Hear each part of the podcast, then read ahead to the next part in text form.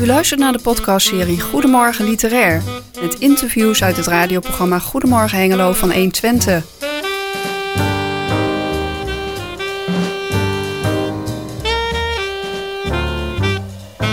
In deze dertiende aflevering hoort u Chris en Jos in gesprek met Karin Marijke Vis en Koen Bubbels over hun reisverslag Omwegen. Tegenover ons uh, zitten weer, uh, de, ja, ik ben haast geneigd te zeggen, de vaste, Vaste- gasten. ja, vaste Karin gasten. Marijke en Koen.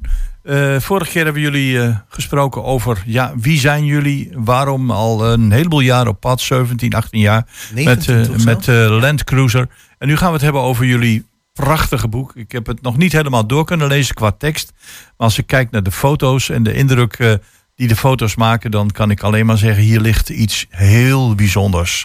Het uh, boek Omwegen, wat uh, ja, jullie reis beschrijft, crisscross door welk continent? Zuid-Amerika en dan het zuidelijkste gedeelte van Zuid-Amerika. Ja. Argentinië, Chili, Brazilië, Paraguay en Bolivia. Ja, dus ik, hebben we het niet even over uh, Suriname en al dat soort landen, maar de landen. voor een volgend boek. Ja, ja de, de, de Andeslanden eigenlijk, hè, aan de ene kant. Uh, voor een deel wel, ja. Ja.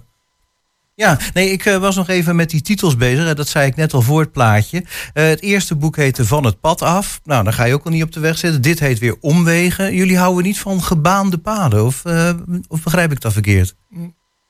dingen brengen je van het pad af. Hè? En omwegen doelt eigenlijk dat ons, onze bedoeling, ons plan was om naar het vuurland te reizen in het begin. Oh ja. Alleen was toen wij aankwamen in Buenos Aires was, was de het seizoen een beetje fout om helemaal naar het zuiden te rijden. Dus we zijn er met een omweg uh, naartoe gereden, vandaar omwegen. Oh, dat is dan heel uh, makkelijk verklaard dan. Ja. ja, nou het komt wel vaker terug in het boek hoor. Want uh, ja, je rijdt overal links en rechts. Dus we zijn, als je de kaart bekijkt hoe we gereden zijn, is het ook aardig non-lineair.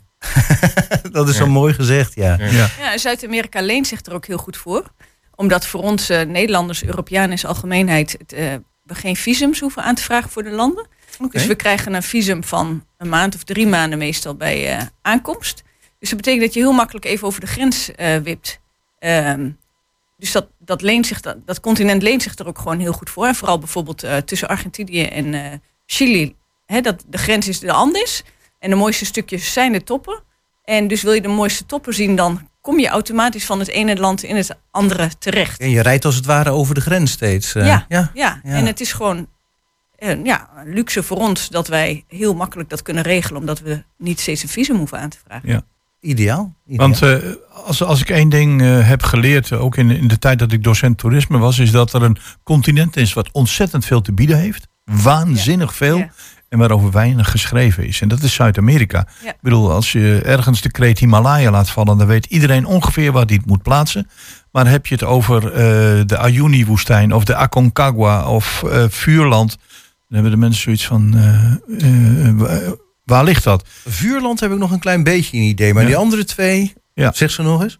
De Aconcagua, bijvoorbeeld in de Ayuni-woestijn uh, in, het, in het noorden van Chili, een van de droogste plekken en ook een van de koudste plekken op, uh, op aarde. Ja.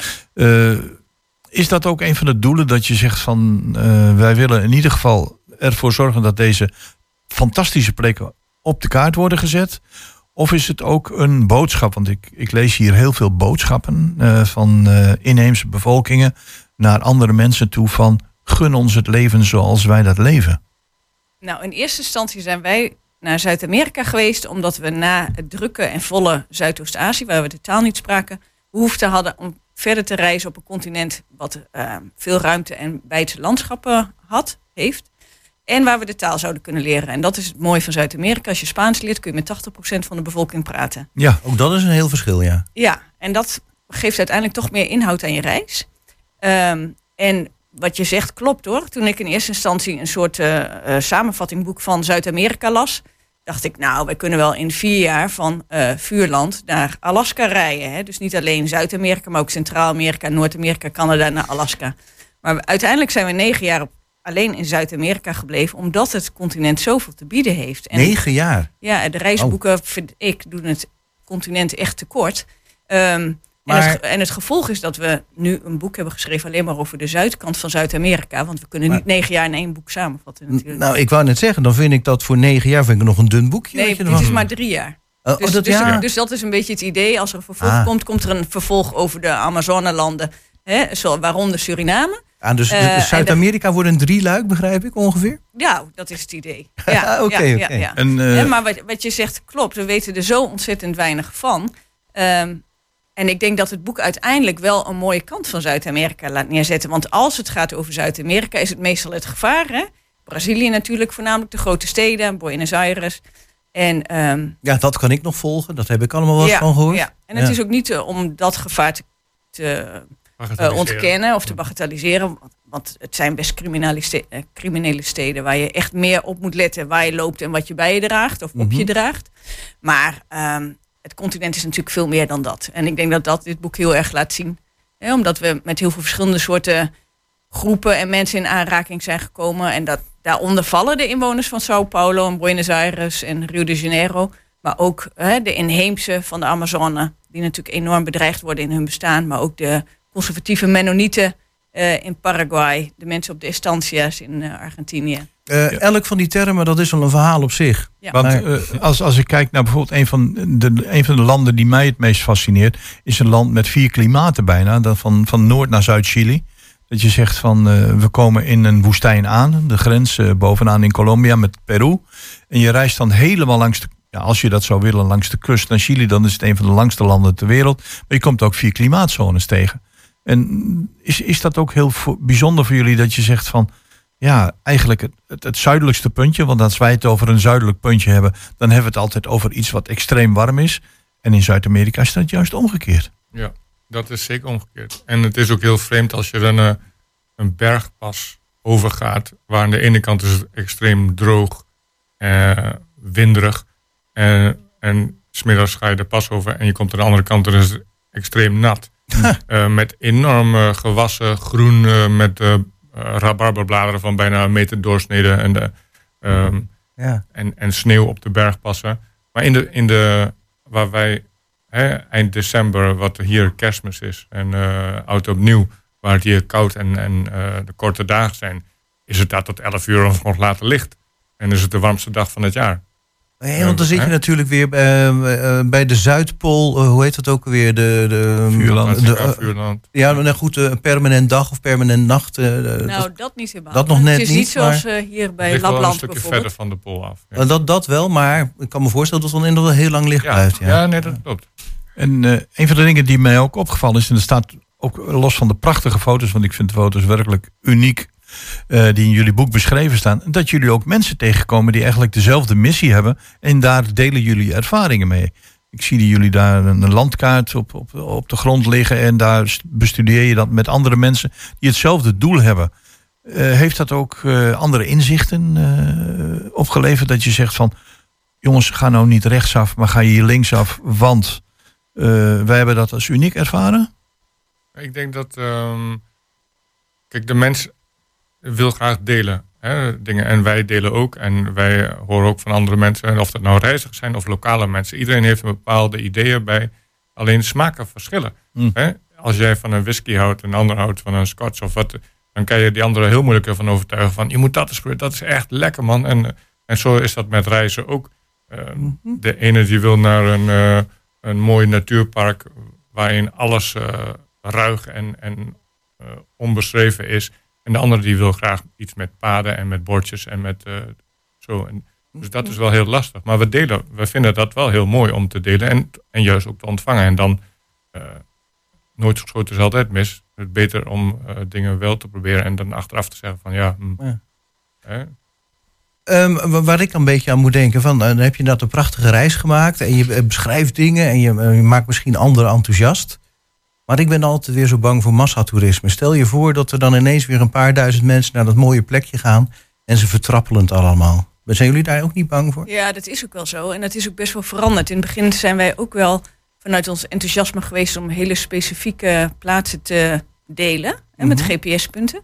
Ehm, en dat kwa- kwam en komt absoluut voort uit een enthousiasme. Mhm. En dat gebeurde ook op social media, maar je ziet daar wel heel duidelijk ehm, een reactie nu op. Hè? En dat het veel meer eh, van belang is om na te denken: wil ik dit plekje inderdaad zo specifiek met mensen delen? Ehm, dus wij zijn daar ook terughoudender in geworden. ja, want nou, het, dat geloof ik eh, graag. Ja, bijvoorbeeld je deelt een mooie kampeerplek. Ehm, en als daar in één keer uh, 100 voertuigen komen, die denken daar ook allemaal gratis gebruik van te kunnen maken. En die laten wel hun vuilnis achter of maken onverantwoord kampvuren. Dat, dat weet je niet. Als jij dat deelt, hè, ga je ook uit vanuit de goede intenties. En heel veel volgen dat ook wel na, maar niet iedereen. Dus het is inderdaad wel, niet alleen binnen het overlenden wat wij doen, maar ook de reguliere toerisme wel geworden. Wees een beetje voorzichtig met welke plekken je deelt. Ja. Ehm, hè, maar je kunt best natuurlijk, en dat is zeker een onderdeel van onze reis en ook het boek, de verhalen van ontmoetingen met mensen. En die blijven altijd uniek. Ja, die blijven sowieso Want, uniek. dat kun je niet herhalen. Dat, Want, ik heb net met Koen even een korte reflectie doorgenomen. Volgens mij was dat in Brazilië. En uh, ja, dat heeft me toch wel aangegrepen. De mensen die zeggen van laat ons alsjeblieft zijn zoals we zijn. Want wij willen op onze manier bijdragen aan de redding van deze planeet. We hebben het hier in het begin eh, van het vorige uur over gehad over Earth Hour. Uh, en dat zijn toch wel dingen. Uh, je ziet heel veel grote velden met sojabonen en koffie en noem maar op. En daar, uh, Indianen moeten daar plaats voor maken. Hebben jullie daar ook in het boek oog voor gehad? Ja, en voornamelijk ehm, ervaren hoe complex die situatie is. Um, want ja, mhm. wie, wie woont er en wie heeft er recht op land? En verandert dat op een gegeven moment? En um, ja, het hele vraagstuk, de inheemse leven zoals het leven. Maar op een gegeven moment komt daar ook de moderne wereld. En ik denk dat het zelf, dat het ook niet helemaal realistisch is dat bepaalde enclaves voor eeuwig in, um, in oude tradities blijven leven en niet meegaan met die welvaart. Mm. Um, mm Ik denk dat alles te maken heeft met de manier waarop het gebeurt. En dat is over het algemeen met veel te veel geweld en weinig recht voor de, voor de mensen die daar wonen. Ja. Ehm, hè, en met één inheemse groep hebben we heel duidelijk gesproken over van ja, wat, wat geeft dan op een gegeven moment bestaansrecht? Want ja, hè, ook daar hebben kinderen recht op onderwijs, komen in uh, contact met de moderne wereld.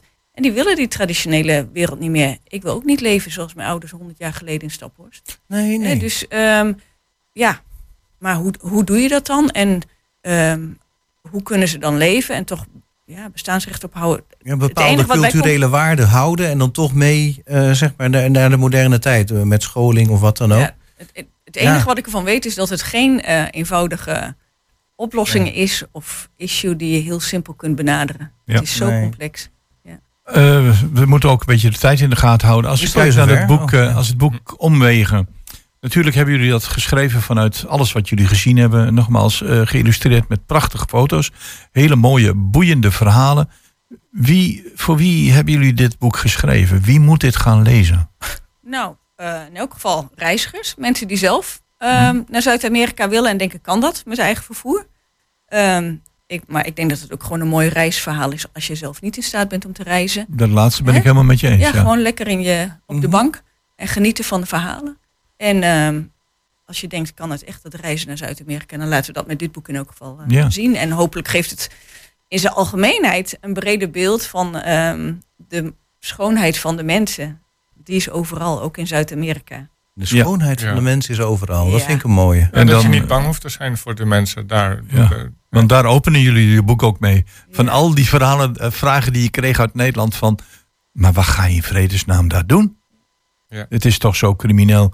Uh, op elke hoek van de straat uh, dreig je doodgeschoten te worden. En nu zitten jullie na zoveel jaren nog tegenover ons in de studio. Die, die, gevaren zijn er natuurlijk wel, maar ze zijn gewoon heel erg beperkt. En die, die zijn met een loop uh, te, te vinden op, op de kaart in de grote steden, zeg maar. Maar ik wil niet zeggen dat je daar elke dag mee wordt geconfronteerd.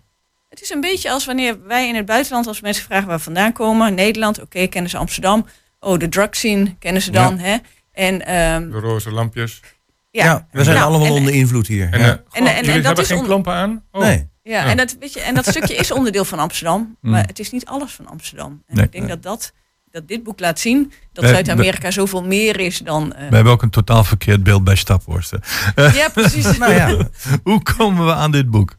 Te bestellen op onze website. Ja? Landscruisingadventure.com omwegen. En als dat lastig is, als je googelt op onze namen, Karin, Marijke en Koen, ja. dan vind je het ook. Dan kom je er echt wel, ja. Prachtig. Uh, ik kan het iedereen aanraden. Uh, uh, ja, het, het, het gaat letterlijk een wereld voor je open in, in Zuid-Amerika.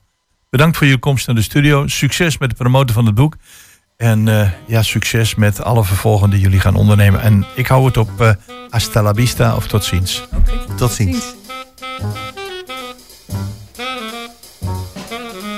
Deze podcast werd gemaakt door Chris van Pelt, Jan-Dirk Beltman, Jos Klasinski en Mieke Vaameijer. Bedankt voor het luisteren en graag tot de volgende podcast.